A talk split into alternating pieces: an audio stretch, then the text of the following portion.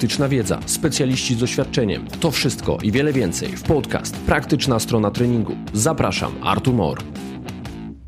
Dzisiaj wznowimy temat podnoszenia ciężarów, a jeżeli podnoszenie ciężarów, to rozmowa, do której dążyłem już od jakiegoś czasu.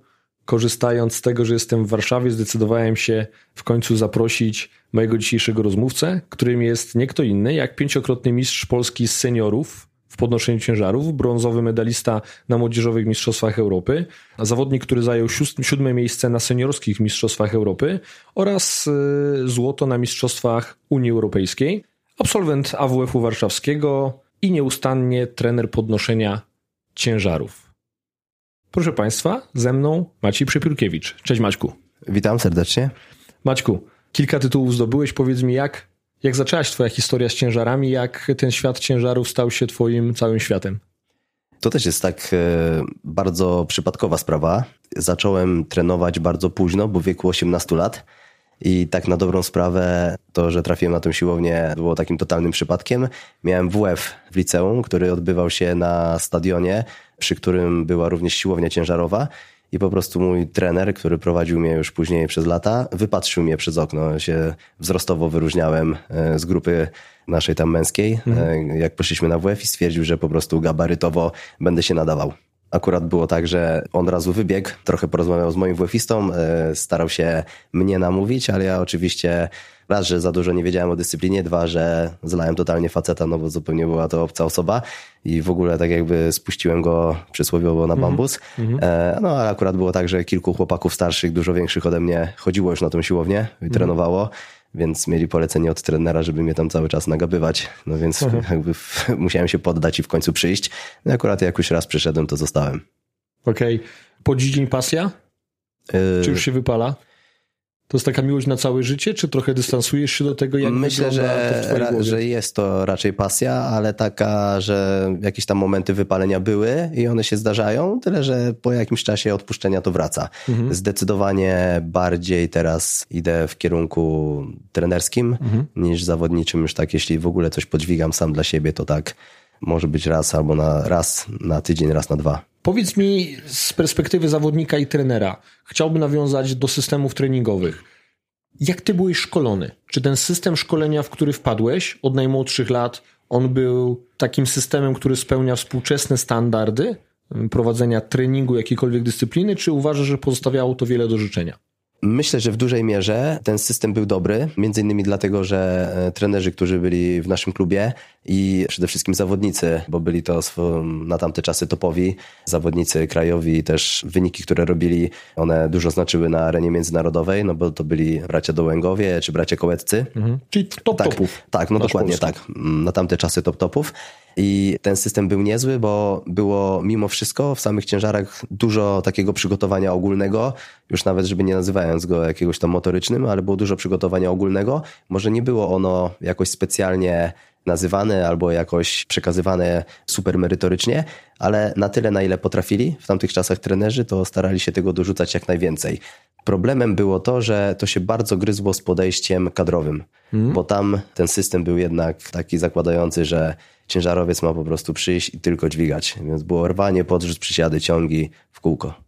Mhm. Myślę, że przed takim problemem stawało wtedy wielu zawodników, e, mniej więcej z takich moich roczników, no bo było też tak, że przed większymi imprezami krajowymi, przepraszam, międzynarodowymi, większość tego czasu przygotowawczego spędzaliśmy w klubie, bo wiedzieliśmy, że po prostu się lepiej przygotujemy. Ta, ta kadra była trochę na przetrzymanie.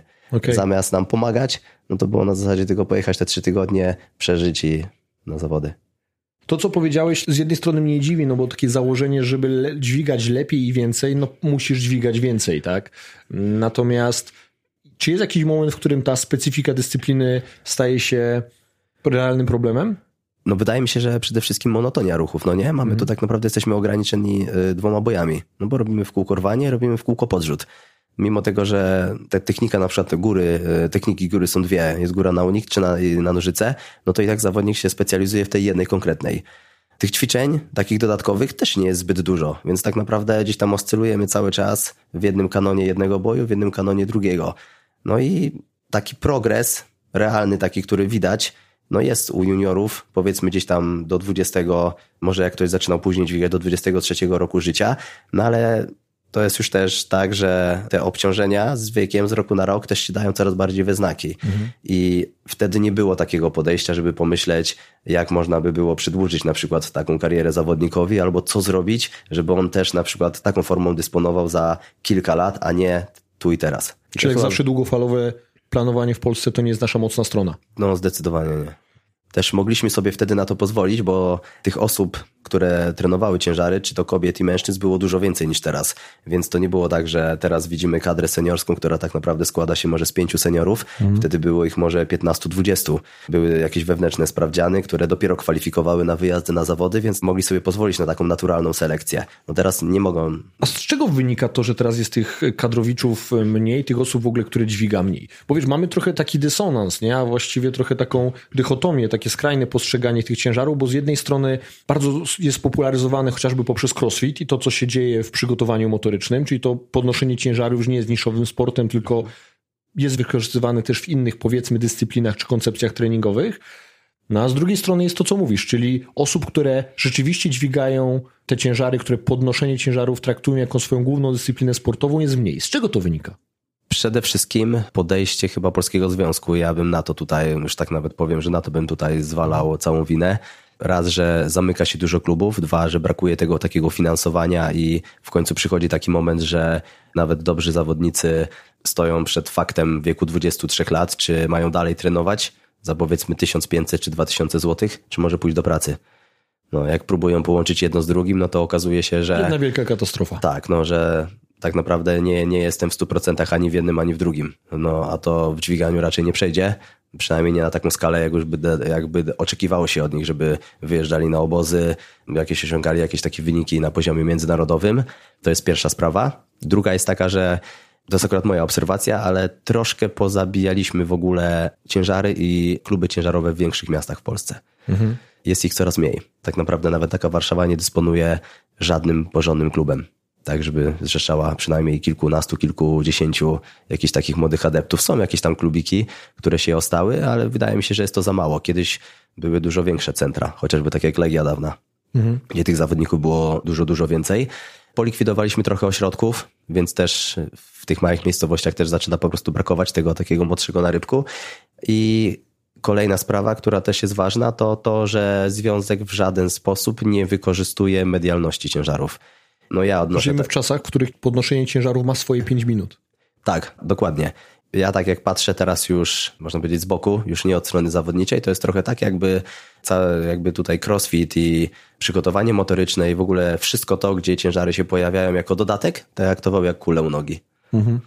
I myślę, że to nie jest dobre podejście. Zamiast i... to wspierać i trochę tak. w albo kooperacji wyko... pracować. Albo po prostu wykorzystać. Uh-huh. Wykorzystać, żeby gdzieś tam sobie zrobić właśnie taką podkładkę i wypracować już na kolejne lata większą ilość, zaplecze większe, mhm. tak. Ja myślę, że doskonale to zrobili tacy znani zawodnicy z areny międzynarodowej. Byli ciężarowcy, chociażby Dimitri Klokow czy Torokti, tak? To są osoby, które stały się medialne, przez co zaczęły szkolić tak, e, z podnoszenia tak. ciężarów. Amatorów chociaż... przede wszystkim. Dokładnie, tak. Tak, ale to też jest fajny przykład akurat Kukowa, bo on w tym roku kandydował na stanowisko prezydenta Federacji Rosyjskiej. Podnoszenia ciężarów. Tak, podnoszenia ciężarów. Mhm. I teorii miał dobre zaplecze, miał duże poparcie, mhm. a i tak te wybory przegrał. Jakby Ręka rękę myje. Tak, prezydentem został kolejną kadencję Agapikow, jak dobrze pamiętam nazwisko, mhm. jakby ta sama osoba, która bardzo podobne ma podejście do tego, jakie jest w Polsce. Jakby Aha. ci amatorzy robią swoje, a jakby związek robi swoje. Mhm. No. Tylko, że oni tych amatorów mają więcej, bardziej się tam promują, już gdzieś tam jakieś powoli pieniądze wjeżdżają, bo nawet są w stanie zorganizować jakieś zawody krajowe, amatorskie na poziomie nawet Mistrzostw Europy, bo już korzystają z tych samych hal takich startowych. E, Maćku, to co powiedziałeś, no mam nadzieję da trochę do myślenia środowisku, no mam nadzieję, ja zawsze trochę tak łudzę. Może to są marzenia ściętej głowy, no ale wierzę, że, że nie. Spróbujmy w takim razie, niezależnie od tych wszystkich instytucji, od tych związków, spopularyzować trochę to podnoszenie ciężarów. Spróbujmy trochę poprowadzić osobę, która jest e, początkująca, która jest amatorem, która chciałaby się trochę z tym związać, czy amatorsko dla siebie, czy wykorzystać potencjał w przygotowaniu motorycznym z podnoszenia ciężarów, czy może pójść w podnoszenie ciężarów. I takie fundamentalne pytanie, jak zacząć przygodę z podnoszeniem ciężarów i teraz jak ma to zrobić trener, który chce tego nauczać, który chce to wykorzystać w crossficie, w przygotowaniu motorycznym i jak to ma zrobić amator, który chciałby to trochę popraktykować? To może zacznijmy od amatora. Myślę, że łatwiej będzie mi poukładać to Dawaj. wszystko w głowie i y, ja przynajmniej tak robię. Ja zadaję fundamentalne pytanie, po co ten dwubój? Jak przychodzi osoba, która chciałaby dźwigać, to tak się naprawdę po co? Czy na przykład chce dźwigać po to, bo podoba jej się, jest w jakimś stopniu zafascynowana tą dyscypliną i na przykład chciałaby się troszkę pospecjalizować w samym dwuboju, czy na przykład potrzebuje tego dwuboju pod crossfit, żeby poprawić technikę, albo na przykład jest y, jakimś, y, nie wiem, koszykarzem, czy inną osobą, która będzie potrzebowała elementów samych ciężarowych, na przykład w swoim treningu motorycznym. W zależności od tego, jaka padnie odpowiedź, no to ja też tak staram się dopasować już cały trening i tak tą osobę poprowadzić, bo uważam, że w każdej z tych trzech, powiedzmy, dyscyplin, w tych rzeczy, jakby same ciężary będą inaczej wyglądały. Ze swojej własnej Mhm. praktyki mogę dorzucić do tego takie spostrzeżenia. Generalnie Kowalski, który bierze się za podnoszenie ciężarów, czuje z nich satysfakcję i progresuje w kontekście Mhm. techniki, czuje, że ta sztanga porusza się lepiej, czuje się pewniej w jakiejś technice, podnosi więcej i czuje spełnienie. Cieszy go to. Czyli widzę, że taki Kowalski ma z tego przyjemność. Wiem również, że jest przepaść wśród generalnej populacji pomiędzy pojmowaniem, uczeniem się efektywnością zarzutu i podrzutu, a rwania. I teraz pracując z Kowalskim, bardzo często ja z tego rwania w świadomy sposób rezygnuję w pierwszej fazie, bo uważam, że jest bezzasadne. I teraz, czy też masz taką obserwację, czy od razu idziesz w dwa boje? Mieszam, to zdecydowanie mieszam, Mhm. ale to też jest tak, że no to, to już byśmy wskoczyli w opcję trochę trenerską. Mhm. Wydaje mi się, że bardzo często brakuje po prostu wytłumaczenia e, i zasadności pewnych ruchów, pewnych faz Mhm. danego ruchu. Że te osoby robią y, jeszcze są uczone niepotrzebnie na raz całego boju i tak naprawdę starają się odwzorować jakiś ideał, Mhm. który ma na przykład trener w głowie albo sobie upatrzyły na YouTubie, a Mhm. tak naprawdę on nie będzie miał nic wspólnego z motoryką ciała, z tym jak ta osoba będzie się ruszała albo jakie ma w ogóle gabaryty. No i myślę, że to już jest podstawowy problem. No i dużo, dużo będzie zależało od przygotowania ogólnego. Ja to też u siebie na, na swoich warsztatach i przy swoim prowadzeniu zajęć, przy prowadzeniu e, klientów wychodzę od tego, że jakby zaczynamy od tego przygotowania ogólnie pod dwubój, a dopiero wchodzimy do samego dźwigania. No już nawet pomijając same dwa podstawowe wzorce, jakie mamy w dźwiganiu, czyli ten przysiad rwaniowy, ten tak zwany overhead squat i przysiad przedni, ten tak zwany front, gdzie one są, muszą być opanowane do perfekcji, żeby w ogóle można było zaczynać jakieś elementy rwaniowe albo elementy zarzutowe, no bo jak ja mam nauczyć osobę zarzucać, jak ona nie jest w stanie trzymać sztangi na klatce piersiowej, no więc mówię tutaj to jakby w ten deseń. Jest to wszystko programowane i jak, jakimiś takimi rzeczami się kieruje. No i druga jest sprawa takiego przygotowania, takie totalnie takiego ogólnego, ale takiego fizycznego, żeby w jakimś stopniu jakąś taką bazę ruchową ta osoba posiadała. No bo mimo wszystko trening sztangowy, no to jest trening z obciążeniem zewnętrznym, no i musi być jakikolwiek ten ciężar, żeby też czasami poczuć ruch. No bo wiadomo, że na przykład robiąc na rurce za dużo nie osiągniemy. No właśnie, czy ty jesteś w grupie trenerów, którzy mówią na początku zmasteruj tą plastikową rurkę czy kij odmiotu, a dopiero potem idź w ciężar? Czy raczej jesteś w grupie trenerów, którzy jednak mają świadomość, że biorąc pod uwagę samo egzekwowanie ruchu i świadomość, że będzie to zależne od zadania, uwarunkowań biologicznych i środowiskowych, ten ruch będzie egzekwowany z siłą rzeczy inaczej na rurce, a inaczej na sztandze załadowanej ciężarem? Tak, to zdecydowanie jestem bliższy tej drodze, żeby wchodzić w ciężar, ale rozsądnie. Oczywiście. Tak, rozsądnie i, te, i ja bardzo mocno tutaj też idę w kierunku metod nauczania tych takich analitycznych, gdzie staramy się te wszystkie fazy ruchu rozdzielić na maksa, nauczyć ich konkretnie, konkretnie krok po kroku, jak to ma wyglądać i dopiero próbuję to scalać. Także nawet jeśli już robimy jakieś tam trzy elementy, jakiegoś jednego zabraknie, to już jest większe prawdopodobieństwo, że te dwa wyjdą. No Czyli i tak. uczysz od góry, tak? Konkretnie. Czyli mówimy od, y, nie od zabrania od ziemi, tylko Nie, na nie, przykład od góry, od tak biodra, dokładnie. Od, od- do kolan. Nawet nie, nawet uczę od, tak naprawdę od pozycji końcowych. To podobnie jak przy Mhm. skakaniu. Od pozycji lądowania. Czy jak sobie przygotowuję całą bazę ruchową, tak jak przykładowo w rwaniu, od samego przysiadu rwaniowego Mhm. po wybicia rwaniowe. Jak widzę, że osoba opanowała trzymanie sztangi nad głową i potrafi e, wejść dynamicznie do tej pozycji trzymania nad głową, to dopiero właśnie zaczynam z biodra, zjeżdżam nad kolano, pod kolano, dokładnie w ten sposób. Dlatego, że to jest po prostu prostsze. To jest- jest mniej rzeczy do ogarnięcia. Tak, jest prostsze, wydaje się nawet logiczne, bo mniej elementów i dokładasz. Kolejny dokładasz, no dokładasz, tak. dokładasz. Dlaczego się uśmiechnąłem? Jak ja zaczynałem przygodę z crossfitem, a tym samym z podnoszeniem mm. ciężarów, no bo u mnie kolejność była taka crossfit mnie wprowadził mm -hmm. świat podnoszenia ciężarów, to tamte koncepcje, według których się naucza, on raczej uwzględniają ten pełen ruch, właśnie to, co tak. powiedziałeś, od dołu, zabranie, czy tak. jeszcze z jakimś innym akcesorium, z piłką, i to się nie klei, bo to jest skomplikowany ruch. To jest bardzo długi, skomplikowany ruch, gdzie jest wiele składowych i jest ogrom chaosu w tym wszystkim. E, dobrze mówisz, bardzo się nie klei, ale do tego stopnia ja na przykład po czasie, już jak skończyłem swoją przygodę gdzieś tam z prowadzeniem zajęć w takich e, boksach typowo crossfitowych, dopiero po czasie zauważyłem, że jak wiele złego powoduje właśnie nauczanie ruchu od razu całego bez jakby podziału tego na fazy. No bo ja rozumiem, że na przykład programowanie crossfitowe wymaga tego, że dzisiaj, nie wiem, będziemy mieli jakieś rwanie ze zwisu na wysoko, innego dnia przyjdziemy i będziemy mieli zarzuty na siat z ziemi od razu. A za chwilę jest y, jakiś tam trening podzielony na kilka części i jedną z części będzie maksowanie całego podrzutu razem z górą. Mhm. Rozumiem zasadność, że na przykład wszyscy chcą szybko, szybko pokazać cały ruch i w miarę możliwości ogarnąć, i nauczyć osoby trenujące, no ale później jak ktoś chciałby podźwigać troszkę więcej, bardziej wejść w tą specjalizację, no to zaczynają wychodzić jakieś tam konkretne braki, że brakuje tego, nie ma tego, a to już ciężko dorzucić jest, bo już pewne nawyki ta osoba ma i zanim zlikwidujemy jakieś takie niekoniecznie dobre naleciałości, no to jest po prostu Czas. proces, tak. Mhm. I czasem się nie da, najzwyczajniej w świecie bo też nie każdy ma na tyle otwartą głowę, żeby zrobić dwa, trzy kroki w tył, a dopiero za jakiś czas ruszyć do przodu. A czasami mojego nie pozwala. No, też tak jest. Bo czasami trzeba, trzeba trochę ściągnąć tego ciężaru. No jasne, no. I zazwyczaj tak się dzieje. Tak jest. Maćku, a jak to wygląda z trenerem? Czyli mamy trenera, czy przygotowania motorycznego, czy trenera, który wschodzi w świat y, crossfitu, no i potem najpierw musi posiąść te kompetencje podnoszenia ciężarów. Co ty byś porekomendował takim osobom?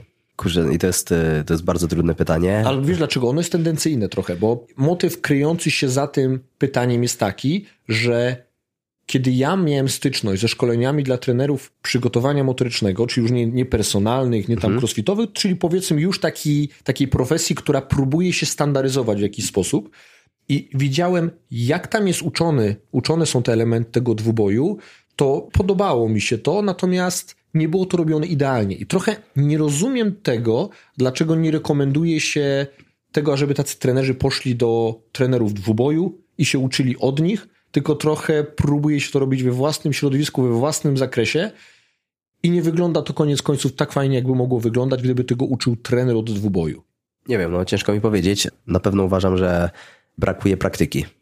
Ogólnie, że jakby tam teoria teorią, i jakby nie ma tutaj jakiejś tam większej filozofii, no bo nawet tak jak ja też jak robię warsztaty, tutaj teorii nie ma dużo, ale jest przede wszystkim praktyka, że niezależnie od tego, czy ktoś w ogóle będzie mm, korzystał z jakichś tam porad trenerskich, to sam powinien praktykować, mhm. bo ja mam takie zdanie osobiście, że czucie ruchu i ta świadomość tego, jak to ma wyglądać i to, jak ja sam mam to zrobić, będzie bardzo ważne w kontekście tego, co ja chcę potem przekazać. Mhm no ja sobie nie wyobrażam, ale wiem, że dużo jest takich sytuacji i dużo jest takich trenerów, po prostu już tak nazwijmy to po imieniu, która nie dźwiga, ale pójdzie gdzieś tam na szkolenie i też wiem, już nie będę mówił teraz nazwiskami, sypał, ale wiem, że są takie kursy trenerskie, gdzie dostaje się papierek instruktora podnoszenia ciężarów, mhm. a na egzaminie osoby nie potrafią rozróżnić rwania od podrzutu, mhm. więc coś jest nie tak. No bo taka osoba potem dostaje papierek i dostaje, że tak powiem, wiatr w skrzydła i idzie prowadzić zajęcia. Mhm. I to jest mega słabe. No z drugiej strony za bardzo nie ma takich miejsc, gdzie można by było pójść i na przykład, już nawet abstrahując już od jakiejś legitymacji czy jakiegoś tam certyfikatu, ale żeby na przykład y, zrobić sobie to podnoszenie ciężarów w kilku modułach.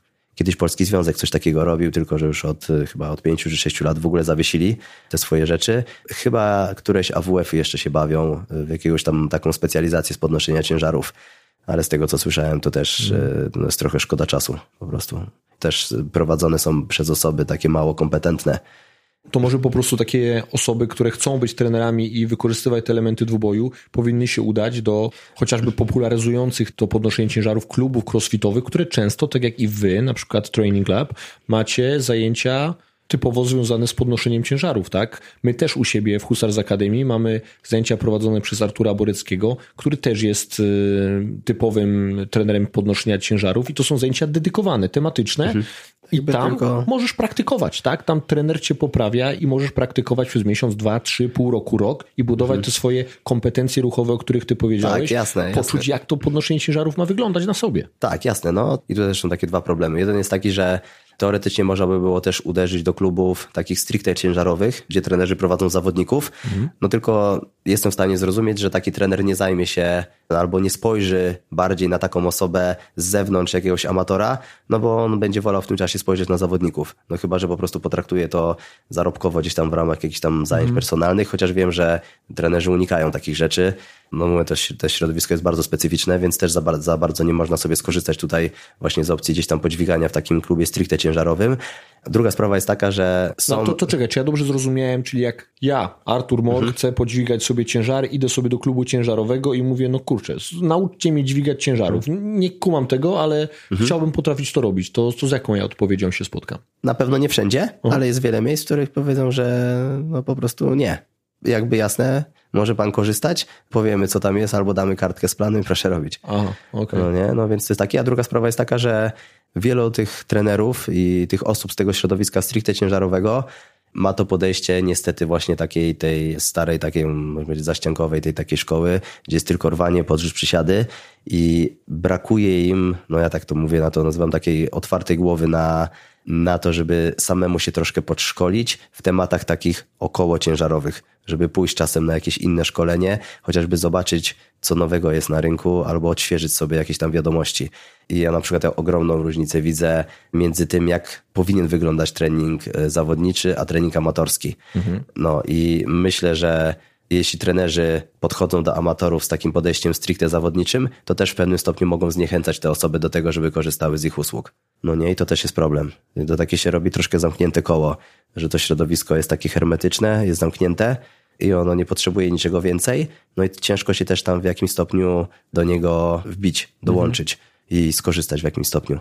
I wydaje mi się, że, znaczy być może dlatego e, w środowisku amatorskim też tak ciężary mają swoje 5 minut, no bo właśnie są skazane same, same sobie tutaj. Mhm. Po prostu są trenerzy, którzy zdecydowali się, czy damy jacyś byli ciężarowcy, no, którzy gdzieś tam pójdą w tym kierunku i, i robią po prostu takie rzeczy. Maćku, bo teraz mówiąc o tym podejściu do tego, jak programować trening podnoszenia ciężarów, jak uczyć tego podnoszenia ciężarów, to patrząc sobie na media społecznościowe i to, co jest promowane w nich, to twoje podejście, twoja koncepcja, twój zamysł na to, jak te ciężary powinny wyglądać, ono jest skrajnie różne od tego, o czym sobie tutaj rozmawiamy. Gdybym ja miał opisać to, jak wygląda twoje programowanie, to bliżej mu jest takiej koncepcji crossfitowych. Krótko mówiąc, y, budujesz tą objętość obciążeń mechanicznych poprzez wiele niekoniecznie typowych dla podnoszenia ciężarów liftów.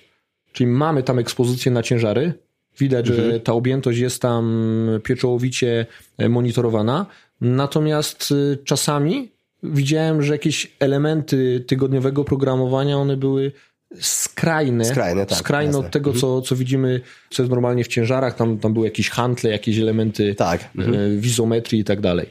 Tak, no to wynika też z tego, że bardzo dużo wyniosłem ze swojego klubu mhm. i to jest trochę tak, że ja starałem się nie wiem, czy mi się udało, ale generalnie staram się może o tak, staram się cały czas dopasować to programowanie zawodnicze po prostu pod trening amatorski. No i jest trochę tak też, że nie da się utrzymywać formy i powiększać przez całe 12 miesięcy. Jakby nie da się być w tym piku takim szczytowym, szczególnie jak mamy wyśrubowane już wyniki. Czasem jest tak, Amatorom że... ciężko to zaakceptować. Tak, no i czasem jest tak, że ciężko jest w ogóle, żeby wrócić do formy, a co dopiero gdzieś tam dołożyć po kilogramie, po 2,5 kilo. Ja sobie wymyśliłem tak, że zrobiłem schemat na całe 12 miesięcy, z czego część grudnia i styczeń, zaraz jakby w tym okresie poświątecznym i noworocznym, jest takim okresem bardzo wejściowym mhm. i wykorzystuję to po prostu na takie, nazwijmy to GPP pod weightlifting, mhm. na takie przygotowanie ogólne i tam się właśnie pojawiają takie skrajne rzeczy, mhm. żebyśmy w ogóle zaczęli robić totalnie jakieś tam nawet w żaden sposób e, nie pokrywające się z ruchami ciężarowymi elementy, no ale to jest dobry czas na to, żeby zrobić trochę pracy unilateralnej, żeby właśnie powyrównywać jakieś braki siłowe, mhm. no bo tak cały czas pracując oburącz na sztandze, to czasami tego nie widać, a dysproporcje mimo wszystko się robią. Jasne. E, dodaję trochę rotacji, bo jakby w samym dźwiganiu tego nie ma, Czasem jakieś napięcia mięśniowe powodują, że one się zaczynają pojawiać na tych większych ciężarach, więc fajnie gdzieś tam sobie tutaj mhm. takie elementy gdzieś tam w, w początkowej tej fazie podorzucać. No i jakby stopniowo tych elementów ciężarowych, ćwiczeń samych takich typowo dwubojowych pojawia się więcej, tak żeby w czerwcu i na przykład za tydzień mamy, zaczynamy tydzień testów. Mhm. Tak, żeby po prostu półrocze skończyć testami. Raz, że oni mają jakąś, jakąś tak, sprawdzian, jakąś odpowiedź na to, jak to wychodzi. No i dla mnie to też jest w jakimś tam stopniu feedback tego, czy to w ogóle działa. No i później mamy lipiec, sierpień, to są miesiące wakacyjne, więc też zakładam, że dużo osób jest w rozjazdach, wyjazdach, więc znowu wracamy do tego, co było pod koniec grudnia, na początku stycznia, treningi bardzo ogólne. I jakby znowu będziemy to sobie budować potem tak, żeby w grudniu przed świętami skończyć kolejnymi sprawdzianami. -hmm. No i druga sprawa jest też taka, że no u mnie w klubie no było takie podejście, że chcąc dużo siadać, no nie możemy tylko siadać. To nie jest tak, że jak chcę dużo rwać, to ja muszę tylko dużo rwać, że tam jest wiele innych czynników. To, że jak ja chcę mieć mocny przysiad ze sztangą na plecach, to ja muszę też mieć mocne plecy. Ta sztanga musi mieć mocne oparcie, ja się muszę czuć z tym pewnie.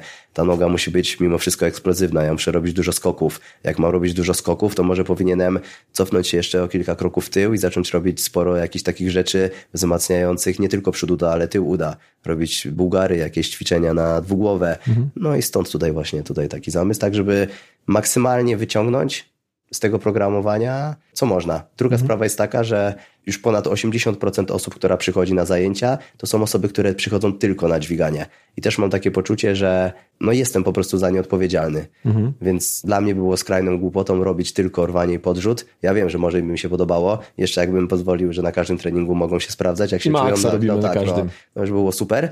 No ale mimo wszystko fajnie jest, jak ten trening jest y, globalny. To, co mówisz, to jest bardzo mądre podejście i naprawdę miód na moje uszy.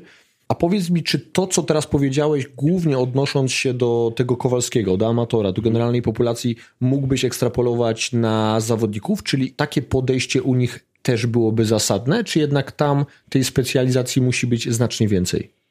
Na pewno specjalizacji będzie więcej, mhm. będzie dużo więcej.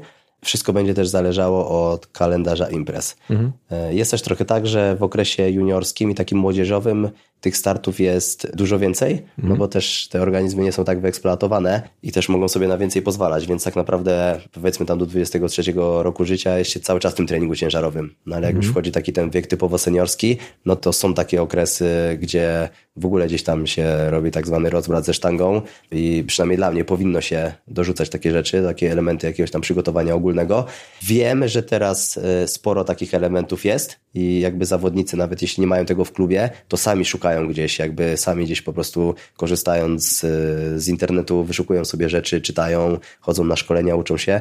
No tak jak po Mistrzostwach Europy rozmawiałem z Arkiem Michalskim, mhm. właśnie opowiadał troszkę, bo też się tam jakby znamy z tych czasów ciężarowych, właśnie opowiadał, że oni to robią w klubie, że tam starają się właśnie takie rzeczy dorzucać, że to nie jest takie zero-jedynkowe, że to, co się też e, wrzuca do internetu, no to jest tylko to, no tylko po prostu już takich rzeczy się mniej pokazuje. No i jakby no, gdzieś tam się pojawiają też e, tacy trenerzy, e, no tak jak poprzedni rozmówca w temacie ciężarowym Adam Herman, no osoba, która przyszła właśnie po to tam mhm. i została wprowadzona do kadry, żeby dorzucić te wszystkie elementy, pokazać, że można inaczej. Problemem też jest to wśród amatorów, ja też tak często słucham, no bo sporo osób ogląda na Instagramie konta zawodników, na YouTubie, no ale co ci zawodnicy wrzucają? Najczęściej swoje super treningi, swoje maksymalne jakieś tam powtórzenia, swoje maksymalne wyniki, starty, no i oglądając, przeglądając cały czas te konto, ma się poczucie, kurczę, oni tylko rwą, oni tylko podrzucają, on tylko siada. Codziennie. Tak, no, ja muszę robić to samo. No, nie? no a nikt nie pomyśli o tym, że tam jest tak naprawdę jest jeszcze wiele, wiele, wiele innych rzeczy. Co jest magicznego w tym, że te państwa na wschód od nas będą jednak święciły większe sukcesy w podnoszeniu ciężarów od wszystkiego, co jest e, na zachód. Ja mówiąc tak na wschód, to mówię o wszystkich państwach bloku wschodniego, o Chinach, no wszystko, co jest na wschód no, na mapie. Też myślę, że tak naprawdę już za naszą granicą można kreskę postawić. No w dużej mierze, może nie sam doping jak, jako doping, no mhm. no bo myślę, że on gdzieś tam jest no, wszędzie powszechny, ale e, sposób w jaki się go egzekwuje. To jest taka rzecz kluczowa bo nie wierzę, że na przykład e, w Chinach e, sportowcy są tak samo kontrolowani jak sportowcy w Europie. Mhm. I jakby no, nawet jeśli powiedzą, że tak, to nie, no, ja po prostu nie uwierzę. Musiałbym zobaczyć na własne oczy, że tak jest. Mhm. To jest pierwsza sprawa. Druga jest taka, że Jest nawet taki artykuł napisany przez byłego trenera reprezentacji chińskiej. On teraz siedzi w jakieś tam, ma wysokie stanowisko w całej Federacji Podnoszenia Ciężarów Chińskiej. Mhm. No i on właśnie tam troszkę zdradził takich rzeczy dotyczących całego tego systemu szkolenia. W Chinach na przykład i w Rosji to też dużo wynika z tego, że jest bardzo duży odsetek osób, która przychodzi uprawiać tą dyscyplinę. Mhm. I na przykład on tam mówił o tym, że w Chinach jest około 3000 szkół sportowych. W każdej sportowej szkole jest około 60 dzieciaków, która trafia na ciężary. Jest czym wybierać. Tak, i to jest już 3000 razy 60. Mhm. I z tego zostaje 10%, to i tak jest tam 1800, tak? Dobrze mówię? To coś takiego będzie? To niebotyczna liczba. To nie wiem, czy w Polsce tyle licencji jest ciężarowych. Mhm. No i z tego trzeba wybrać najlepszych 15 kobiet, najlepszych 15 mężczyzn. No jest z czym wybierać. I druga jest taka, że jak oni trafiają do tych szkół sportowych w wieku, nie wiem, 5-6 lat i tam wiedzie indywidualizacja procesu na poziomie 12-13 lat. Długofalowe planowanie. Tak, długofalowe planowanie, to oni już są o te kilka lat do przodu. U nas, ja myślę, że takie... A do jakiego wieku zaczyna się dźwiganie ciężaru w Polsce? Też wcześniej bardzo. Myślę, tak? że tak. To jak się dzieje, że taki siedmiolatek trafia na ciężary? Często po rodzinie, gdzieś tak, okay. no, no, tak, tak wychodzi, ale jest też tak, że mamy kilka takich miejsc na mapie w Polsce, między innymi takim e, miejscowością jest Mrocza, stamtąd mm -hmm. są panowie dzielniccy. Okay. No i to jest taka miejscowość, w której tak naprawdę nie ma nic sportowego, są tylko ciężary. I dzieci albo się mogą bawić na podwórku, albo pójść na siłownię podźwigać. To też tak kiedyś taki jeden trener powiedział, że tam, gdzie nie ma piłki, tam będą ciężary. Hmm, no dobre. Tak, no nie, jakby tam nie ma za bardzo co robić, więc też tych dzieciaków y, jest trochę więcej na sali, więc też jest pewnie z czego wybierać. No i w Rosji jest taki sam system. Tam oprócz tego, że y, jest fajnie ułożony ten proces indywidualizacji i dochodzenia do tego szczytu formy, to od kilku lat zaczęli też dbać o seniorów mhm. i o tych zawodników, którzy kończą karierę. To nie jest tak, że on kończy dźwigać i jakby do widzenia, dziękujemy bardzo za te lata. Tylko jest jeszcze taki okres dwuletni, przez który oni starają się zapewnić mu częściowo jakieś tam pieniądze, pomagają mu zrobić jakieś kwalifikacje, jakby chciał jakieś kursy robić, czy do jakiejś szkoły się gdzieś tam zapisać, żeby przygotować go już na jakieś tam życie zawodowe takie po sporcie. Więc to też myślę, że to też dla osób, które zaczynają dopiero i widzą, że coś takiego jest później. To coś na nich czeka. Tak, no to też jest bardziej motywujące, a nie tak jak u nas. Prawda? Ja myślę, że pewnym, na pewnym etapie kariery sportowej, kiedy pojawiają się pierwsze pomniejsze kontuzje, kiedy zawodnik uświadamia sobie, że jego ciało nie będzie w tak świetnej formie wiecznie, pojawiają się wątpliwości, pojawia się znak zapytania co do przyszłości. I to, co się wydaje logiczne, ma poparcie w realnych problemach. Kiedy ja rozmawiałem z psychologiem sportowym w jednym z ostatnich e, odcinków, Grzegorzem Wiecławem, to on jasno zakomunikował, że koniec kariery jest realnym problemem sportowca, realnym problemem i to nie tyle psychologicznym, co realnym problemem ekonomicznym. I oni się tak. te, tego problemu ekonomicznego boją, boją, boją. I często te myśli, kiedy zbliżają się do końca kariery, nie pozwalają im skutecznie trenować. Tak, no i też sam fakt już nawet y, można troszkę wyprzedzić te lata, no zanim on tam będzie myślał o zakończeniu, że junior czy na przykład taki wiek między 18 a 20 lat jest jeszcze w takiej opcji, że idzie na żywioł. Jak on zaczął trenować stosunkowo wcześniej, już robi duże wyniki, to on pojedzie na te zawody i on idzie na wyżioł. Jak nie wyjdzie, to jeszcze jestem młody, pojadę za rok. A osoba, która już ma 23-4 lata, jeszcze nie myśli o zakończeniu kariery, ale już się z tego utrzymuje, no to już nie myśli tak, kurczę, no muszę chociaż zająć miejsce w tej pierwszej szóstce, no bo z tego mam pieniądze jak nie pójdą mi te zawody, owszem, pojadę pewnie za rok, no ale jakoś ten rok muszę przeżyć. Czyli powinno być jeszcze systemowe wsparcie zawodników jednak. Tak, takie przynajmniej na takim poziomie, żeby nie było trzeba się zastanawiać nad takimi rzeczami przed mhm. startem, podczas startu. I tego brakuje. I to też dlatego jest tych zawodników coraz mniej. Nawet święcąc sukcesy na międzynarodowej arenie, to podnoszenie ciężarów to nie są spektakularne pieniądze. Nie są, nie są, nie, zdecydowanie, zdecydowanie nie. Uśmiechnąłeś się. E, tak, no kiedyś było dużo lepiej, teraz, e, teraz jest dużo gorzej.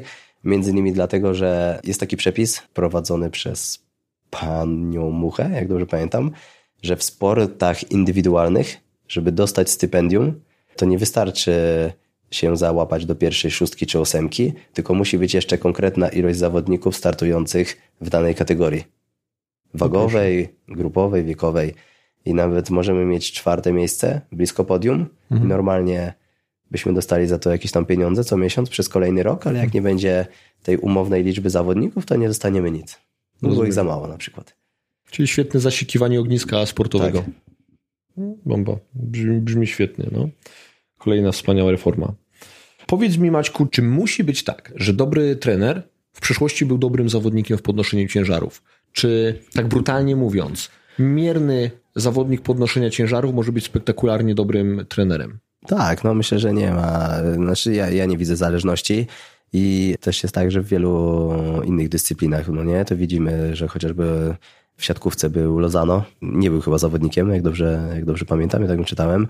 Więc e, jakby nie jest to powiedziane, że musi być konkretnie zawodnik albo musi konkretnie osiągnąć jakiś poziom, żeby być dobrym trenerem. E, myślę, że wszystko się będzie rozchodziło o to, co później, co on będzie chciał sam ze sobą robić w kontekście swojego rozwoju, a dopiero podopiecznych. Mhm. No i ja na przykład, no też tu już dzisiaj też o tym rozmawialiśmy, że ja też na początku byłem troszkę taką osobą z klapkami na oczach, zamkniętą tylko na jakieś tam e, swoje, na takie swoje rzeczy typowo ciężarowe. Wydawało mi się, że pójdę trenować amatorów w taki sam sposób, jak się trenuje zawodowców albo osoby, które będą tylko dźwigały, no a jakby no, szybko się zderzyłem ze ścianą i może dobrze, no bo zacząłem myśleć o tym, że to może powinno to wyglądać inaczej. Ja powinienem coś najpierw ze sobą zrobić, zanim będę coś robił z podopiecznymi. Mhm. Jeżdżenie, robienie różnych kursów, takich trenerskich, jakichś takich około treningowych, ogólnotreningowych, bardzo dużo mi dało. Raz, że mi usystematyzowało wiedzę, no to pozwoliło spojrzeć po prostu szerzej na całą dyscyplinę, a nie, a nie zamykać się tylko na swoim. I myślę, że tutaj właśnie, tak jak tutaj już wspomnieliśmy też w tej rozmowie o ego trochę, no to to właśnie też pytanie, na ile dobry zawodnik będzie w stanie przełknąć, znaczy przełknąć, nie, pójść do kogoś innego, mhm. na przykład posłuchać albo odbyć kursu u kogoś innego, żeby zobaczyć chociaż, że można inaczej. Mhm. A nie będzie w opcji, że ja robiłem takie wyniki, to na pewno to, to i to, co ja robiłem, to było dobre. No to było dobre, bo działało na niego, ale może przyjść w to miejsce 100 innych osób i nie zadziała. To prawda. Maćku, przyszło mi jeszcze teraz w czasie twojej wypowiedzi mhm. no pytanie. Czy uważasz, że ktoś, kto jest czynnym zawodnikiem, może być dobrym trenerem? No, zależy ile czasu będzie poświęcał. Ciężko będzie to pogodzić. No, yy ja na przykład sobie nie wyobrażam. Ja usłyszałem kiedyś takie zdanie, że trenerem stajesz się wtedy, kiedy dobro twojego zawodnika dajesz nad swoje. No i teraz faktycznie mamy ten realny problem. Jeżeli ktoś jest z myślami skupiony na swoich startach, na, na tym współzawodnictwie, obarczony tym ładunkiem emocjonalnym hmm. względem swojego współzawodnictwa, a tu jeszcze musi mieć chłodną głowę i odseparować to gdzieś, oddzielić od tego, co się dzieje z jego zawodnikiem, to jest cholernie trudne do pogodzenia. A obserwuję w świecie sportu może nie tego związanego z podnoszeniem ciężarów, bo mi daleko do tego świata, ale jednak CrossFit gdzieś czerpie z tego mhm. podnoszenia ciężarów i nagminnie jest tak, że CrossFit Athletes są trenerami innych i jednocześnie, tak, a jednocześnie tak. w mediach społecznościowych wręcz publicznie przeżywają te wszystkie swoje emocje, wzloty mhm. i upadki i rozładowują e, te swoje emocje poprzez media społecznościowe. I ja się tak tym wszystkim zastanawiam, gdzie tu jest ta spokojna głowa, ażeby móc skupić się na tym, jakie są potrzeby i oczekiwania tych podopiecznych. No. I ja się z tym nie zgadzam. Czyli gdybym miałem powiedzieć jednoznacznie, to ja powiem tak. Nie możesz być dobrym trenerem, kiedy jesteś czynnym zawodnikiem. Tu jest zbyt duży ładunek emocjonalny, który zaburzy twoje postrzeganie priorytetów. Zdarzyło mi się być kilka razy na zajęciach typowo crossfitowych, na treningu typowo crossfitowym w różnych innych miejscach, prowadzonych przez trenera, zawodnika, takiego czynnego zawodnika. I akurat trafiałem na treningi, które były prowadzone zaraz po jego treningu. I mi się bardzo nie podobało. Raz, że był nie do życia, cały czas każdą wolną chwilę poświęcał na to, żeby odtajać po swoim treningu, pójść gdzieś tam za recepcję, napić się, mhm. albo po prostu zobaczyć w aplikacji na telefonie, jak to, jak to poszło jego trening. No i to jest no, to, więc to, to, tak, więc to się będzie gryzło. I to jest takiej mikroskali w ramach tam powiedzmy tak, godziny dwóch, a tak. teraz przełóżmy to na cały, na cały proces miesiąc, tam, tak, no. na cały rok. E, Jasne. Mamy konflikt interesów, krótko mówiąc. Co innego jak trener po jakimś tam czasie już prowadzenia zajęć wystartuje sobie w jakichś zawodach z doskoku no i to jest na takiej zasadzie, że no wiadomo, że trenerzy też trenują w swoim wolnym czasie i on sobie w wolnym czasie gdzieś tam się będzie przygotowywał i sobie pojedzie dla fanu jeszcze gdzieś tam wystartować i jakby nie, nie będzie to większej krzywdy wyrząd, wyrządzało po prostu grupom, osobom, których trenuje. Na co innego, gdzie jest faktycznie cały czas, tak jak na mówisz, swój tak. sukces, walczy o swój sukces. Tak. Maćku, to jeszcze pytanie o grzechy główne. Jaki jest grzech główny amatora, który bierze się za podnoszenie ciężarów? na co powinni zwrócić uwagę, co byś im odradził, albo na co powinni bacznie spojrzeć, albo krótko mówiąc, co wszyscy jak jeden mąż kaszanią. Czy jest coś takiego? Grzech główny, jeden. No może być kilka po prostu. Internet. Tak, y, nie powinien zbyt dużo oglądać filmów i porównywać się, przede wszystkim porównywać się do, do zawodników. Bardzo często się z tym spotykam, że osoby przychodzą z konkretnymi filmikami, z konkretnym modelem zawodniczki, zawodnika, ja tak chcę. Mhm. Albo dźwigają już i przychodzą jakby już z jakimś tam stażem treningowym, no bo ja tak chciałam, ja tak chciałem jak on.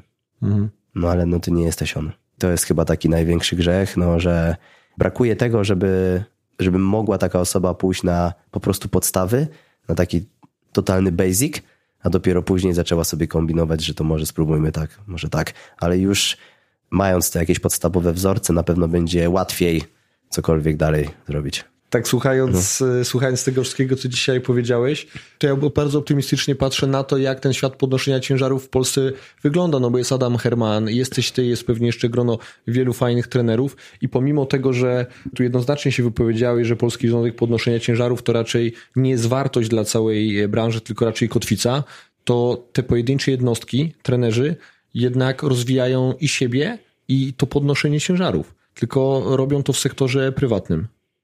No tak jest, no i myślę, że no jeszcze minie sporo czasu, zanim cokolwiek się zmieni, no bo podejrzewam, że będą musiały się przede wszystkim władze zmienić i podchodzić tam jakieś pewne osoby z jakichś tam stanowisk, bo też jest tak, że te osoby, które działają, tak jak już nazwałeś, to sektor prywatnym, za bardzo się nie, nie chcą pchać do tego sektora państwowego. Takiego państwowego po prostu... Ekonomicznie to, tak, to nie działa. nie chciane, ale to trochę jest tak, jak Szymon Kowecki został prezesem związku, bo był taki czas, że przez kilka lat y, miał stołek prezesa i co z tego, że piastował to najwyższe stanowisko, jak też za bardzo nikt nic nie mógł, dlatego, znaczy nic nie mógł zrobić, bo wszystkie gdzieś tam jego pomysły upadały na jakichś zebraniach zarządu. Mhm. No, jakby zarząd mówił nie i koniec. No. Jednostka no. ma ciężko zmienić system. Tak, a próbował sporo. Raz, że jest osobą medialną, i też był w stanie poprzyciągać jakichś sponsorów, bo chociażby wtedy związek był sponsorowany przez tą grupę Anvil z Orlenu. Mm. Jakieś tam pieniądze dodatkowe e, spływały, szczególnie dla szkolenia młodzieży. Jakieś tam zostały utworzone takie grupy top ten, gdzie najlepsza jakaś dziesiątka dostawała dodatkowe pieniądze e, na jakieś tam szkolenie, bo po prostu się tam przyszłościowo myślało o tym, że może coś z tych osób będzie więcej, to rzucało się więcej pieniędzy do klubów. Ośrodki też chyba miały dodatkowe dotacje, no ale teraz jest troszkę inaczej, więc jak, jak dla mnie gorzej. Oczywiście pewnie są osoby, które mogą powiedzieć, że jest super, no ale ja mam takie zdanie. I bardzo odważnie mówisz, i ja sobie to bardzo cenię. Czasami trzeba powiedzieć głośno nie. Też no, łatwiej mi jest chyba powiedzieć, bo jakby siedziałem w tym trochę, więc mhm. też wiem jakby od środka, jak to wygląda. Jakby znowu wracamy do tego, co było. Do tego takiego podejścia, o które dużo osób walczyło, żeby go nie było, żeby go, że tak powiem, wyeliminować. No jakby znowu, jakby powiedzmy, historia zatacza koło i wracamy do jakiegoś takiego punktu wyjścia. No i niestety, no doprowadzamy po prostu tą dyscyplinę w tym takim już sektorze państwowym na upadłość, no bo tych zawodników jest coraz mniej. Na przykład teraz są już chyba, znaczy nie wiem, czy mamy już pełne kwalifikacje olimpijskie, ale tak naprawdę mamy jednego pewniaka na igrzyska, jest tego Arek Michalski. Mhm. Asia Łochowska i Bartek Adamus muszą czekać na korzystne rozstrzygnięcie. Mhm. No i nie pamiętam czasów, żeby na igrzyska olimpijskie była taka sytuacja. Zawsze wystawialiśmy mocne składy, a były takie igrzyska, w których e, jechał komplet. Jechało pięciu panów, jechały cztery panie. No, dziewięcioosobowa kadra, jeszcze medale przywoziliśmy. Tak naprawdę nie licząc Rio, to chyba z każdych igrzysk z takich ostatnich y, kilkudziesięciu lat ciężarowcy przywozili medal. Teraz na pewno nie będzie. Czyli teraz krótko mówiąc katastrofa. Porównując to, o czym tak, mówisz, do tak tego, powiedzieć. co jest teraz. Ale okej, okay, no to, to myślę, że jasno wypunktowałeś to, co jest złe. Może ktoś tego odsłucha, może coś się będzie zmieniało, w co wątpię. Ważne, że ty jesteś w sektorze prywatnym i jest na kim oprzeć to podnoszenie ciężarów Tak, ale też trzeba wspomnieć, bo tak już wypunktowaliśmy, powiedzieliśmy, co jest złe. Jest też grono trenerów e, w tym sektorze państwowym działających, która ma, ma takie podejście i próbuje coś zmienić. Działają u siebie, działają w swoich klubach, robią dużo dobrego, jeżdżą na zawody, e, z każdych zawodów wyjeżdżają z jakimiś medalami, z pucharami i gdzieś tam po prostu nie poddają się presji tej zewnętrznej i robią swoje, no ale nie wiem, czy nie mają możliwości, czy też po prostu siły nie tam tak siły przebicia, żeby móc y, zrobić jeszcze więcej. Trudno, żeby robiła jednostka rewolucję, nie? bo to jest ten zły no, polski związek tak. podnoszenia ciężarów. Maćku, ja myślę, że twoja perspektywa postrzegania podnoszenia ciężarów jest bardzo cenna i, i tą rozmową ze mną udowodniłeś, że masz pomysł na to. Ja obserwuję Cię regularnie w mediach społecznościowych i, i, cieszę się, że trenerzy podnoszenia ciężarów prezentują takie podejście do tematu jak i Ty. Mam nadzieję, że będę miał kiedyś okazję zostać w Warszawie na dłużej i wpaść do Ciebie na trening, żebyś zweryfikował moją technikę. I, i zobaczył, jak ta generalna populacja w mojej postaci radzi sobie ze sztangą. Maćku, tymczasem dziękuję Ci za spotkanie i mam Dziękuję nadzieję bardzo. do zobaczenia. Trzymaj Do się. zobaczenia. Cześć. Cześć.